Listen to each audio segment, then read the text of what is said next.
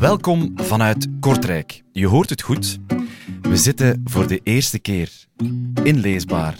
Niet in onze oude vertrouwde studio op de VRT, maar sinds de geschiedenis van Leesbaar zitten we voor de eerste keer op locatie. En wel op een heel speciale plek. In Kortrijk op Boektopia. Dat is eigenlijk een soort boekenfeest van tien dagen waarin schrijvers lezers kunnen ontmoeten, lezers boeken kunnen kopen en schrijvers kunnen zien wie nu eindelijk die lezers eigenlijk echt zijn. En we vonden dat zo'n fijn idee dat we hier een special wouden rondmaken met leesbaar. Het is waar, Annelies? Ja, ik glunder een beetje met het woord special. We dachten, we gaan uh, twee schrijvers aan de tafel vragen. Je hoort het goed, twee schrijvers. En we gaan hen vragen naar de Nederlandse klassieker die zij het meest leesbaar vinden.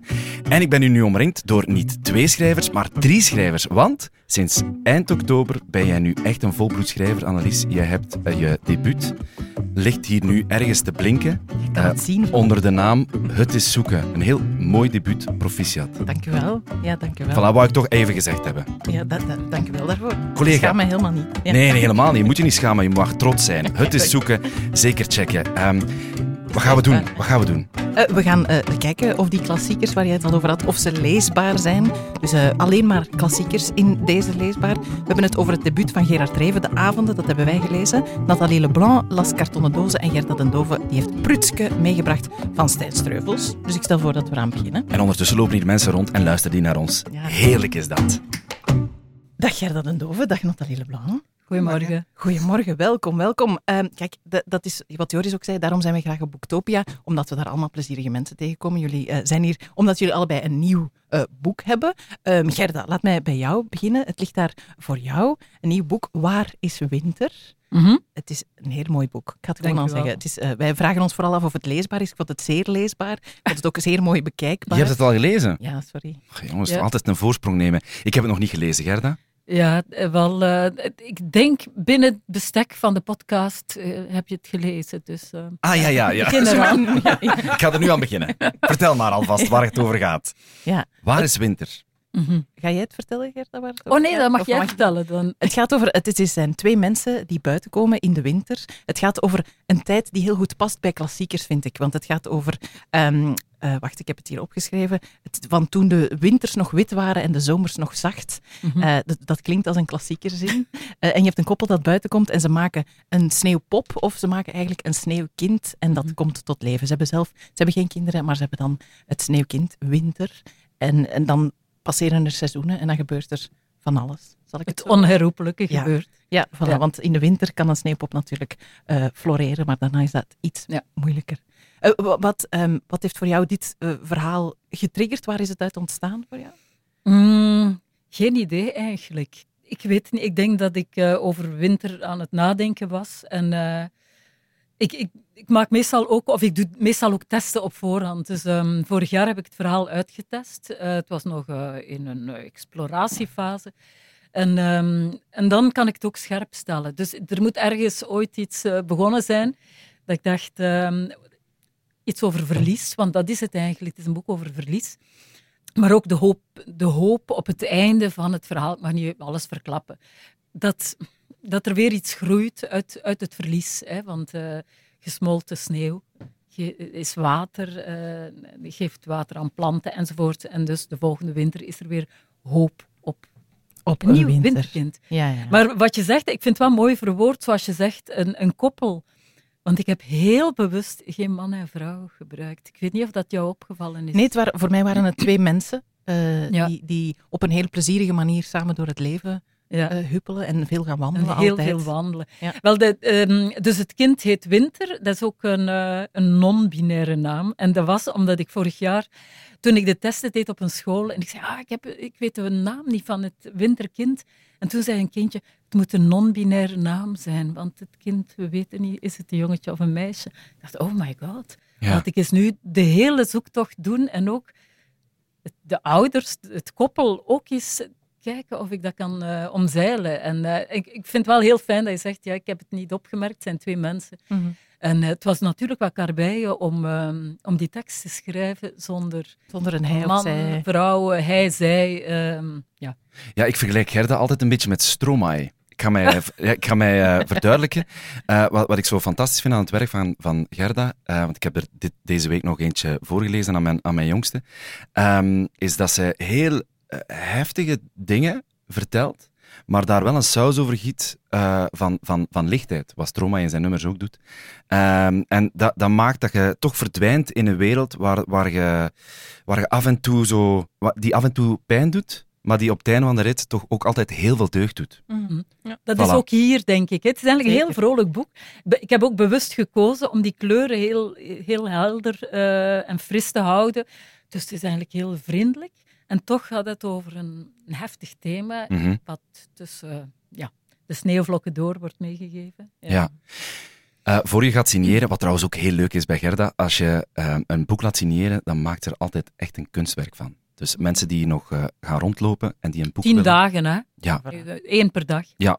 Je kan ook gewoon later, als Boektopia gedaan is, gewoon mailen naar Gerda, hè, um, om jou nog meer werk en te geven. in de brievenbus te komen steken. Ja, ik, denk, ik denk dat een deel van het werk in het boek steken moeilijker is voor het volgende boek. Want dan zou Nathalie Leblanc hier in de testkeuken voor iedereen Ja. iets moeten gaan klaarmaken. Want uh, Nathalie Leblanc, we kennen jou als journalist, onder andere bij Knak Weekend. Je hebt al verschillende boeken geschreven. De laatste was een roman, Ja. uh, Op zoek naar Ida. Mhm. Um, maar nu heb je een kookboek gemaakt voor alleenkokers. Ja.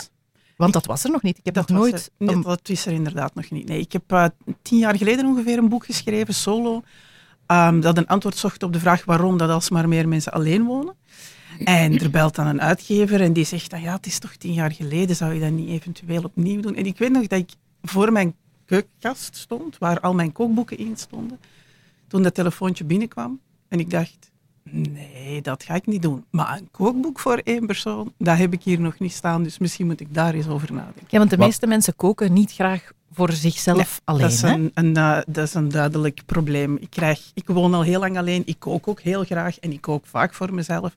En als ik een euro kreeg voor elke keer als mij de vraag wordt gesteld: en kook jij dan voor jezelf? Dan, Dan kon je alle boeken hier dan kopen. kon ik Ja. alle boeken kopen. dat Ja, klopt. Maar jij doet het wel, eh, Ik doe het wel graag. Want wat, wat doet het voor jou als jij kookt voor jezelf? Goh, ik eet graag, dat helpt. Ehm, ik, vind lekker eten, ik vind lekker eten echt heel belangrijk. Ehm, dus ik heb altijd voor mezelf gekookt. Ik kom uit een gezin waar eh, lekker gegeten werd. En ehm, toen ik een tiener was, werkten mijn ouders allebei in ploegen. En dan zette mijn moeder zo eh, drie potten klaar en een soort handleiding van de aardappelen moeten zo lang. En na een week of twee dacht ik, maar ik ga iets anders proberen. Dat mislukte natuurlijk al wel eens, maar ik heb daar altijd gewoon fysiek plezier in gehad, zowel in het koken als in het eten. Dus ben ik dat blijven doen en ik woon al heel mijn leven alleen. En als je niet zelf kookt, dan heb je geen lekker eten. Mhm. Zo simpel is het. Maar eh, dat betekent niet dat ik het elke dag doe. Nee. Ik heb, ik heb ook wel eens dagen dat alles in de koelkast zit en ik toch gewoon een boterham met salami eet. Want dat gebeurt nu eenmaal. En ik heb het boek eigenlijk vooral ook geschreven omdat ik van heel veel mensen hoor. Niet alleen mensen die alleen wonen, koken voor zichzelf alleen. Hè. Soms is uw man s'avonds weg, of is uw vrouw s'avonds Mhm. weg, of zijn uw kinderen bij iemand anders. En heel veel mensen vinden dat een gigantische drempel om over te moeten. Maar aan de andere kant vinden ze het dan ook jammer. Nu niet als dat maar één keer om de vier weken voorkomt. Maar als je bijvoorbeeld alleen woont en je leeft echt op yoghurt met banaan, pas op lekker hè, Mhm. dan merkte ik wel dat mensen dat moeilijk vonden. Dus ik dacht, als ik nu zo'n kookboek schrijf met lekkere dingen in, waar ook de praktische dingen aan bod komen. Hè. Wat doe je met de andere helft van de komkommer? En die, die citroen die altijd zo ligt te verpeteren in je koelkast, wat doe je daarmee? Ehm, en ik heb ook geprobeerd om er zo wat verhaaltjes in te steken, gewoon omdat ik denk dat mensen van verhaaltjes houden. En ik heb het ook uitgetest, alleen betekende dat bij mij alleen dat ik veel gekookt heb. Ik heb het gevoel dat ik met jou aan tafel heb mogen zitten door erin Echt? te lezen, omdat ik het gevoel had inderdaad dat de verhalen, zoals je als je bij iemand gaat eten, dat die vertellen, ah, deze lasagne maakte ik vroeger toen ik ooit daar op uitwisseling was, of dit soort verhalen. Dank je wel. En, en dat was een heel fijn gevoel. Heb jij dat ook al gelezen? Ja, sorry. Ik, Maar jongens, wat is maar dit? ik had heel veel enthousiasme voor Boektopia Ja, en ik precies. moest een soort van, ja, dat Ja, dat dat moet wel op voorhand en nu kom ik er echt wel uit als, als het kneusje, vind ik. Maar goed, Gerda, ehm, zou het iets voor jou zijn? Oh ja. Ja, eigenlijk wel. Want ik, eh, ik kook eh, nu alleen nog voor twee mensen meestal. En af en toe is voor meerdere mensen. Maar ik, ehm, wij kunnen daar altijd eh, vier dagen van eten. Dus ik ben verschrikkelijk in, in verhoudingen. Ik kook voor een hele, een hele school ongeveer. en ik, ehm, ik weet niet hoe dat komt. Ik begin klein. En ik eindig met uh, acht potten op het vuur uh, die vol zitten. Uh, dus zoiets voor één persoon, denk ik, zou ik net genoeg hebben voor twee mensen dan. Voordat jullie weglopen en aan jullie eigen boeken beginnen, gaan we eerst nog praten over de boeken die jullie hebben meegebracht. Want we hebben jullie allebei een opdracht gegeven om een leesbare klassieker mee te brengen. Dat was belangrijk, want veel klassiekers staan in kasten en worden soms niet gelezen. En het is moeilijk om te weten wat is er nu leesbaar of niet. Gerda, zullen we bij jou beginnen? Want jij hebt Prutske van uh, Stijn Streuvels meegebracht. Totaal onleesbaar. Ja? Onleesbaar? nee, dus dat een heel mooie cover. Ja. fijne cover. Jaren 60 of 70. Ja. Um, wat staat jawel, erop? Want de, de ehm, radiomensen die, die, die, die kunnen dat niet. Ja, wat staat erop? Uh, een prutske. Toen mij een beetje denken aan uw um, uh, reeks Meneer Papier. Meneertje ah, Ja, zo die, ja, ik denk dat het een beetje dezelfde periode is van knippen. Het is um, een uh, heruit... Ja, 71. Perfect. Ja. Maar uh, het is um, een, een, boek wat eigenlijk veel eerder is uh, verschenen. De uitgave die ik hier heb meegebracht is 1971. Het boek is verschenen in 1922.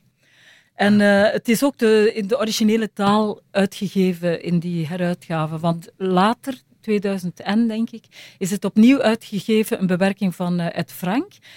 Maar die heb ik bewust niet willen lezen, omdat het ook een hertaling is dan. En ik vind de taal van Streuvels zo mooi. Ik kom ook zelf uit uh, de buurt waar Streuvels woonde. En, waar is dat? Uh, hier West-Vlaanderen, ja. in Gooichem. Uh, dus ik ken de dialectwoorden ook. En uh, je moet in het begin moet je een beetje je hoofd erbij houden. En maar na een tijdje begin je alles wel te, ja, te snappen. Er zitten ook geen voetnoten bij, uh, uitleg over de woorden. Het is het, het, verhaal van zijn dochtertje. Het is dus eigenlijk een biografisch verhaal. Zijn kind, uh, Dina heet. Trouwens, ik heb ook een dochter die Dina heet. Mijn oudste toevallig. Mijn toevallig vernoemd Dina. naar? Onbewust. het is onbewust. Ja, ja, ja, ja. Het is zeker niet vernoemd naar uh, deze pruts. Um, en uh, Prutske is zes jaar oud. Ze is geboren in 1916, als de oorlog net begonnen is. Um, dus ze is een kind wat eigenlijk ook al die restricties van de oorlog meemaakt. Maar het is zo wonderlijk om in het hoofd van het kind te duiken en hoe Streuvels het beschrijft. Het is, je herkent je eigen kinderen in de psychologische analyse van het kind. Um, die wonderlijke wereld die ze evokeert met de, de fieten. De fieten zijn dan haar poppen. En met de hond en de poes. Um, maar ook haar, haar verwondering voor de dingen rondom, uh, rondom haar.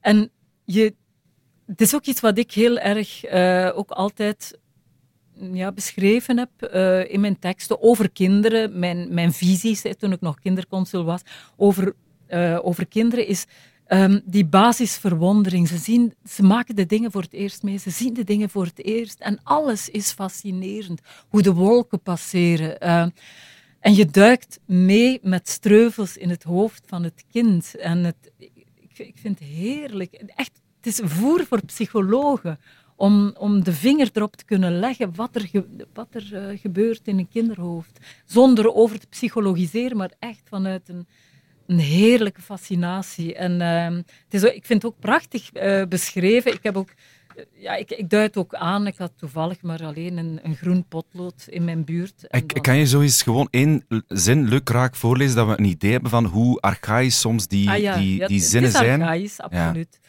Maar toch is het ehm, leesbaar. En toch, ja, voor mij is het heel leesbaar. Ah ja, wacht. Ik, ik heb hier zo oh, met heel veel groen aangeduid. Het is nu eigenlijk het besluit van uh, Streuvels op het einde. Uh, kinderhersenen zijn onbevooroordeeld, vindingrijk. Dat is nog allemaal oké.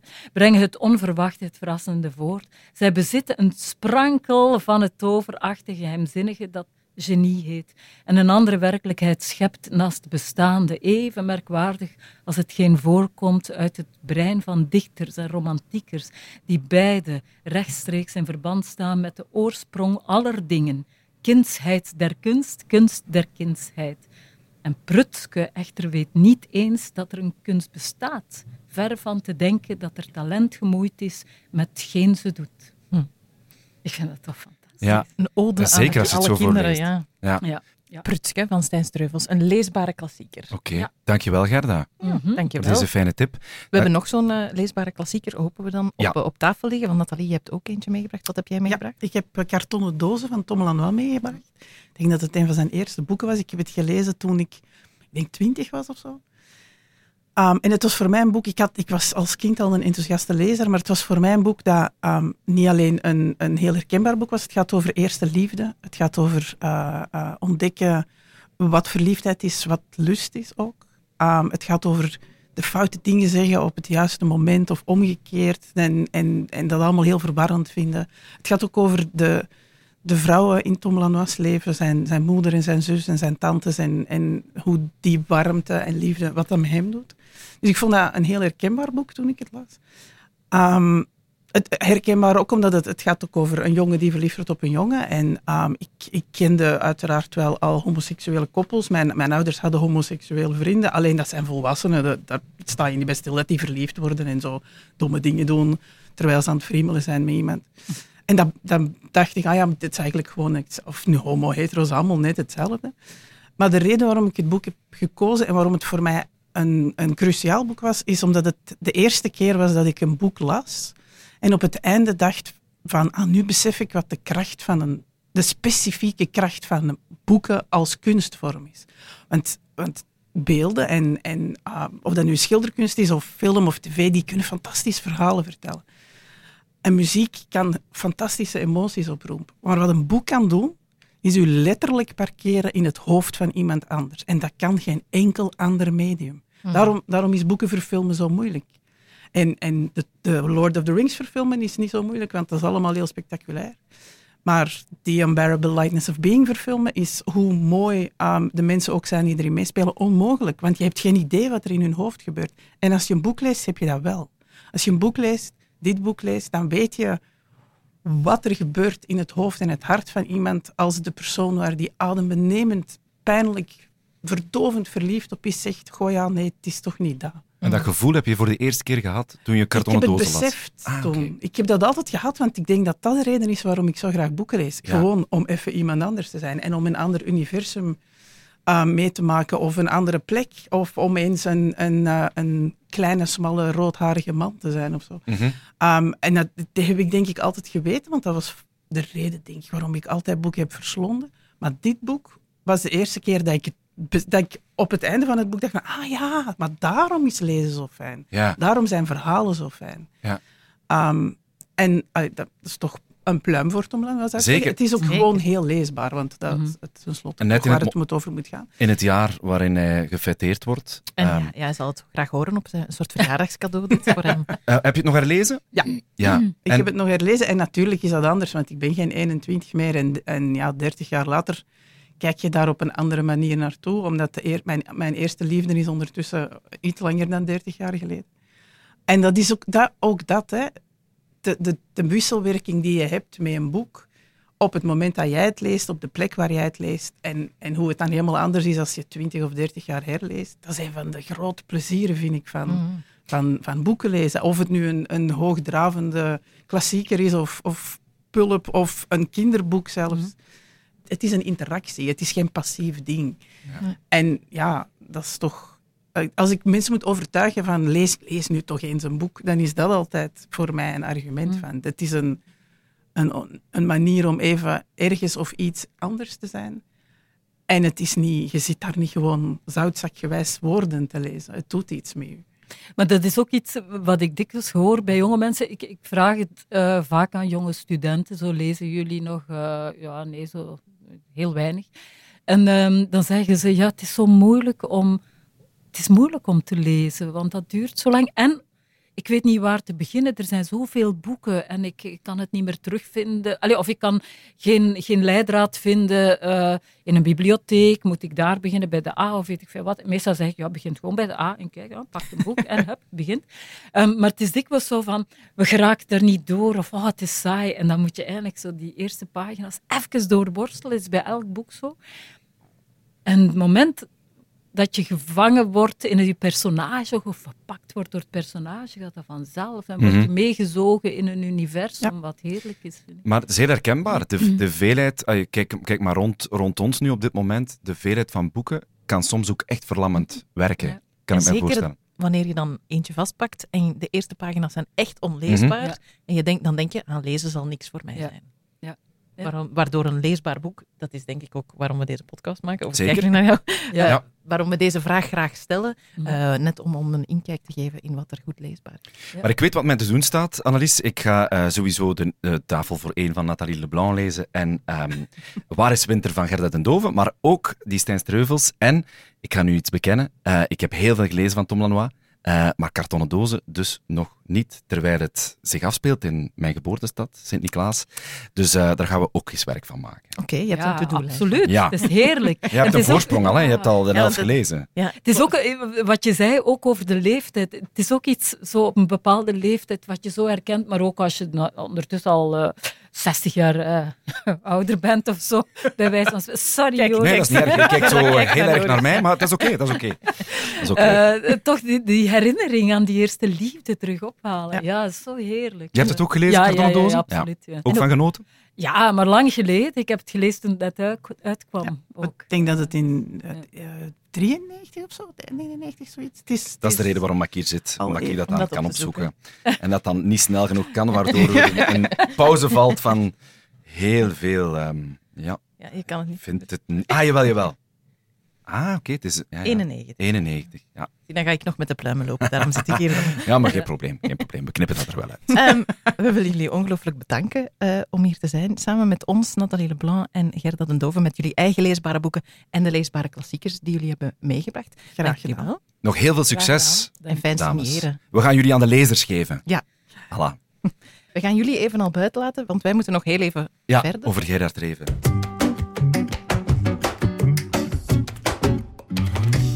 We waren er wel snel uit. Eh, ik, ik weet dat ik zei, ah, zullen we anders de avonden doen van Gerard Reven? En jij zei, ja, is goed. En het was al Perfect. beslist. Ja, Waarom wou jij hem graag lezen? Wel, ehm, je ziet hier een foto op, eh, op, de, op de tafel eh, liggen. Eh, ik heb ooit een programma gemaakt voor televisie, Radio Gaga heette dat. Daar heb ik iemand ontmoet die ehm, mij wou bedanken omdat hij had meegedaan bij ons in de caravan. En hij had mij het verzameld werk gegeven van Gerard Reven, dat gesigneerd was door de meester zelf, Mo. met een foto van zijn graf, met daarop een sticker van Radio Gaga. Dus op dat graf. Je Oh. ziet het, hè? Ah, Zie je het? Ja, ja, nu zie ik Ja. het. Ja, ja, ik had Heel vreemd. Ik hoop dat dat er al af is eh, van, van, van dat graf. Maar in ieder geval, dat heeft altijd op mijn bureau gelegen. Eh, met het idee van, ik wil daar ooit eens aan beginnen, aan de Dus dat avonden. is gesigneerd. Klopt, ja. En dat, ik is, dat past wel zo hier op Boektoop. Voilà, Ja. Gerard Reven, 16 maart 1999 Ah. heeft eh, de grootmeester dat eh, gesigneerd. Oké. Maar dus ik heb het eindelijk gelezen, de avonden. Ja, klopt. Ehm, wil, wil jij beginnen? Waar gaat de avonden over? Misschien Maar, moeten we ja, dat is, dat, is, dat is eigenlijk Moeilijke de moeilijkste vraag, vraag, ja. want het gaat eigenlijk over niks. Ehm, het is eigenlijk een soort ehm, het, het lamlendige leven, lamlendige tien dagen uit het leven van Frits van Echters, een 23 of 24 jonge man Mhm. die in, ehm, in Nederland woont, nog bij zijn ouders inwoont en eigenlijk niks anders doet dan kankeren en dan eh, op bezoek gaan bij vrienden en daar zo wat, eh, ja, lamlendig Mopperen. zitten te wezen, mopperen vooral. Ja, wat Ja. praten. Soms praten ze over alle mensen die ze kennen die gestorven zijn in zo'n conversatie. Klopt. En het gaat ook heel veel over, en dat, dat resoneerde wel bij mij, omdat ik mijn haar ook aan het verliezen ben, over kaalheid. maar wat veel- ben je kaal aan het worden, zegt hij tegen iedereen. Ja. En niemand hoort dat echt graag, dat hij kaal aan het worden is. Maar hij maakte daar een punt van om bij elke vriend eh, toch eh, nadrukkelijk te zeggen, maar je bent echt je haar aan het verliezen. Ja. Waardoor ik soms, ik, was, eh, ik heb het, een deel van het boek als audioboek. Gerard Mhm. Reven heeft het zelf ooit eh, Oh. ingelezen. Mhm. Dat klinkt heel fijn, omdat je echt zo de bladeren van dat boek hoort omslaan. En ehm, daardoor dat ik soms zit, zit ik nu in, heb ik dit niet al gehoord? Of toch? Ah ja. Omdat het, hij zegt vaak hetzelfde. Het gaat, vaak, het gaat heel vaak over dat kaal zijn. Het gaat ook heel vaak over de kachel. Ja. En dan het hoogtepunt is dan pissen in de kachel. Of je sleutels erin verliezen. Ja. Dat soort, van dat soort kleinigheden moeten we het hebben. Hè? Heel erg herkenbaar allemaal. In de kachel Ja. Maar het is een boek, eh, moeten we misschien ook vermelden, het is een boek uit 46, 1946. Het speelt zich ook af in de laatste tien dagen van 1945 dan? 46. 46, Ja, ja, ja. En het is eigenlijk, ja, het bouwt op naar nieuwjaar. En dan denk je als lezer van er gaat iets gebeuren, nieuwjaar, maar ook dat is gewoon een omwenteling van een nieuw jaar en dan begint het weer opnieuw. Dat is altijd wel zo met nieuwjaar. toch? Ja, klopt, Altijd klopt. wat teleurstellend. En het is wel zo, eh, een boek en een schrijver waar mensen extreme fan van zijn. Hè? Ja. Die noemen zichzelf de Revianen. Eh wij hebben op Radio 1 een podcast gehad ehm, eh, van Leven tot Reven. Ja, nu ben ik aan het twijfelen aan de titel. Al sinds het ging over Gerard Reven, Lieve van den Houten heeft dat gemaakt, dat gemaakt en hij interviewt Revianen, zoals daar zijn Herman Brusselmans. We gaan eens luisteren. Ik heb ooit gezegd, dat was misschien eh, een beetje badinerend, maar eh, als ik nieuwe vrienden krijg, dan geef ik ze de avonden cadeau. En als ze terugkomen en ze vinden een, een fantastisch boek, mogen ze binnen in mijn huis. En als ze het eh, maar niks vinden, dan gooi ik ze meteen weer aan de deur. Wat eigenlijk... Eigenlijk gewoon meent. Ja, eigenlijk wel. Je kunt niet dezelfde manier van denken hebben of eh, dus hetzelfde gevoel voor humor.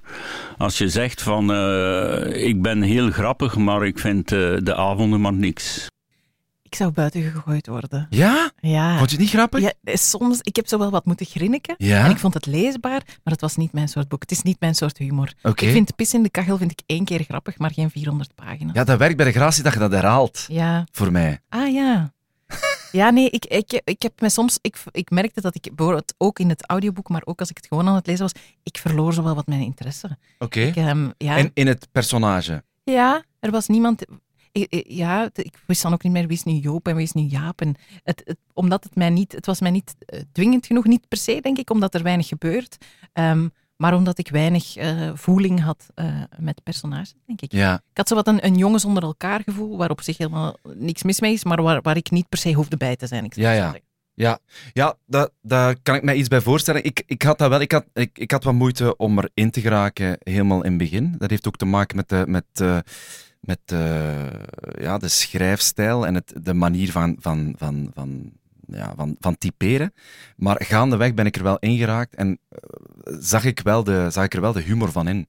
Ehm, maar ik had het ook graag voorgelezen eh, gehoord. Eh, Ja, kan je nog doen. hè? denk ik, denk ik nu, omdat, omdat ik vaak ehm, over het feit dat hij dingen denkt en niet zegt, en bepaalde dingen denkt en ze dan toch zegt, of net niet zegt. Eh, dit klinkt allemaal heel archaïs en heel abstract, maar als je het boek leest, dan is er nog een groot verschil bij wat hij denkt en wat hij zegt. En dat Mhm. daarin ook wel heel erg veel humor zit. Ja. En eh, soms las ik daar ook een beetje over. Dat Ja. ligt misschien ook aan mij. Maar ik, eh, ik heb er wel heel erg van genoten. Ik ben blij dat ik het tot mij genomen heb. Ja, Ehm. Ik ga zover niet gaan om u uit mijn vriendenkring te schoppen, zoals Herman Brusselmans. Maar ik, vind wel, ik vind het wel een verrijking. En ik kan me voorstellen dat dit een heel belangrijk boek was voor opgroeiende jonge mannen. Zeker. eh, die komaf wouden maken met een bepaalde generatie, de generatie van hun ouders. Hè, want hij woont nog bij zijn ouders, maar hij kijkt op een bepaalde manier naar zijn ouders, zoals jonge mensen wel eens plegen te doen. Hè, om niet te zeggen pubers, maar hij is ondertussen 23. Maar hij doet eigenlijk ook niet zoveel met zijn, met zijn leven. Dus hij, hij heeft alles van een, van een puber die zich afzet van eh, de generatie die voor hem Mhm. was. Ja, Dat klopt. vond, ik er wel, dat vond ik er wel heel tof aan. Ja, snap ik, snap ik. Het is ook niet dat het geen impact op mijn leven heeft, want ik ga vanaf nu het woord toilet nooit meer gebruiken. Ik ga nu vanaf nu altijd waterplaats zeggen. Goed, hè? Dat vond ik wel heel Ik ga leuk. wateren. We drinken nog eens water trouwens. Eh, Ja, we dat ik ga het tegen de stoof doen. Of Eh, tegen de kachel. Ja, voilà. Doe maar in de kachel. eh, Voilà. om de Staat sleutels ergens een kachel op Boektopia? We gaan die voor jou zoeken. Maar dus de belangrijkste vraag, leesbaar? Ja. de avonden van Gerard? Volmondig ja. Leesbaar, zeker. Iets voor mij, iets minder. Ja. want Dat is uw mening, hè? Ja, Dat is de eerste keer dat we dit voor hebben, hè? dat we van mening verschillen. Ja, dat is niet erg, dat is niet erg. dat voor, Dat voor moet er zijn, dat moet er publiek. Ja. Ik ga even iets heel raar doen voor de podcast, maar zijn er mensen die de avonden gelezen hebben? Bijvoorbeeld? Van Gerard, stukjes, kleine stukjes. Ook omdat je het niet zo leuk vond? Ja, ik- Ja, ja, ook Een, eh, de meningen zijn Eigenlijk wil je. Joris gewoon vragen, wie is het eens met Joris? Ja? En vond het een goed boek? Oh, oh één, Ah, twee, kijk eens oh, aan. twee, twee. We En zijn wie, wie is het eens met mij? Ah, oh, Ja, oh, half. Ja, ook En de anderen hebben heel het veel. Ja, enthousiasme. Eh, voor mij wel twee volmondige ja's. Ja, Ehm, maar dus leesbaar heel erg. yes. Ehm, we moeten afsluiten nog voor de podcast, want Oh, ja, ja, het zit er alweer op. Eh, volgende maand gaan we weer over naar de normale orde van de dag en zijn we er de laatste donderdag van de maand. Maar we hebben ook nog wel wat specials eh, voor de boeg, want we hebben de smaak te pap pakken. De pappen, dat is door die kookboeken van daar straks. Ehm, zoals de boon, dat is dan ook zoals in de kookboeken. Als je benieuwd bent naar een bepaald boek of, of dat leesbaar is, dan kan je ons ook mailen vanaf nu. Wauw. Goed, hè? Maar waarom weet ik dat soort dingen niet? Ja, dat is omdat ik jou dat dan kan vertellen. En dan ben je heel blij. Lees mee vrt.be. Ah, Oké, dan kunnen we rechtstreeks contact met de podcastluisteraars. We horen het heel graag. Lees mee vrt.be. Tot volgende keer. Ik ga nu heel mijn maandloon opdoen op deze Boektopia. Ik doe mee.